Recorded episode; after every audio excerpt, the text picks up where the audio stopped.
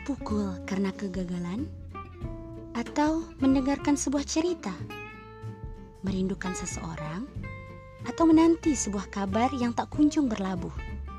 Tenang aja, ada pesan akan menyuguhkan hal-hal yang beragam, baik itu berupa motivasi, renungan, cerpen, puisi, dan sebagainya. Ada pesan akan hadir tiap minggunya untuk menemani keseharianmu.